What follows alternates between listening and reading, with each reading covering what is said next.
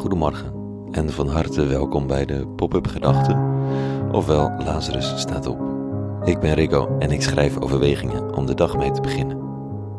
Een eenvoudig concept. Elke ochtend tussen 6 en 7 lees ik de Bijbellezingen van de dag en vraag me af welke gedachte erin zou kunnen zitten voor vandaag. Een oefening in spelen met de oude teksten. Vandaag met de titel In tijden van maatregelen. Pop-up gedachte woensdag 3 november 2021. Gisteren werden er weer nieuwe maatregelen afgekondigd door de minister-president en de minister van Volksgezondheid, Welzijn en Sport, Mark en Hugo.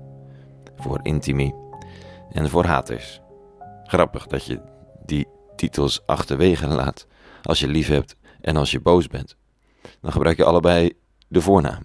Eventueel met bijvoeglijke naamwoorden die duidelijk maken wat je van diegene vindt. De functie doet er dan even niet toe, zowel voor de geliefde als voor de gefrustreerde. Het was niet een gemakkelijk te verteren persconferentie. Voor de pro-vaccineerders kon het waarschijnlijk op instemming rekenen, voor de uitgeputte zorgmedewerkers mogelijk ook.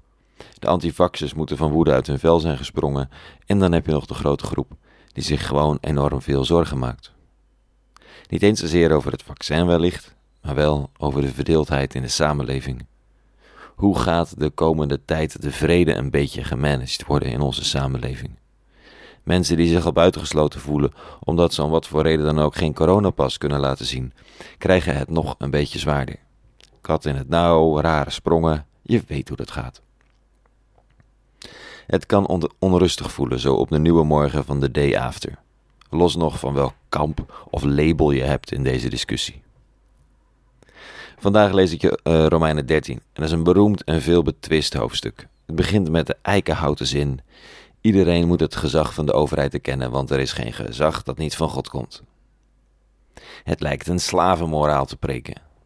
Terwijl het omgekeerde eigenlijk waar is in deze brief. Paulus die daagt namelijk het keizerlijk gezag uit. Niet de keizer is de zoon van God, degene die vrede, heil en goedheid brengt in de wereld maar de man van Nazareth.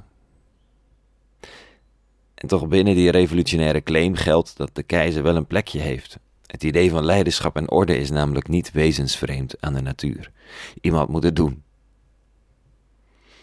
Wie zich ongemakkelijk voelt bij de keuzes van een demissionair kabinet, vanwege de eigen situatie of omdat vrienden en bekenden erdoor verder in het nauw lijken te worden gebracht, of omdat het de situatie nog meer op scherp lijkt te zetten, ook al weet je zelf mogelijk ook echt niet hoe het beter had gekund, dan is voor mij de lezing van de dag een fijne focus. Het volgt meteen op het stukje over het benodigde respect voor een overheid, al is de goddelijke status verder ongegrond, en zegt: Broers zorg dat u niemand iets schuldig zijt.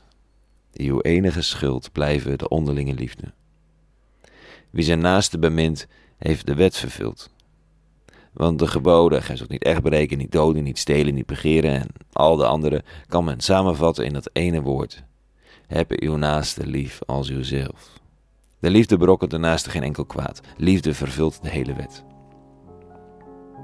Het is alsof Paulus wil zeggen: Ik snap dat je niks hebt met die hele tierenlantijn en die grote broek van een zichzelf godwanende overheid. En terecht, want er is maar één representant van de godheid en dat is een armoedzaaier. Die armoedzaaier vraagt echter verder niks dan dit. Heb lief. Heb met al je macht wat er ook gedaan en gezegd wordt. Je naaste lief. De huidige demissionaire overheid is niet te vergelijken met waar Paulus en de Romeinen tegenover stonden. Maar de onrust is van alle tijden. Wat moet je met dat gezag? Nou, misschien wel niet zoveel, behalve dit. De ander liefhebben met al wat je hebt. Tot zover vanochtend. Een overweging en een eventuele focus voor de dag. En een hele goede woensdag gewenst. En vrede. En alle goeds.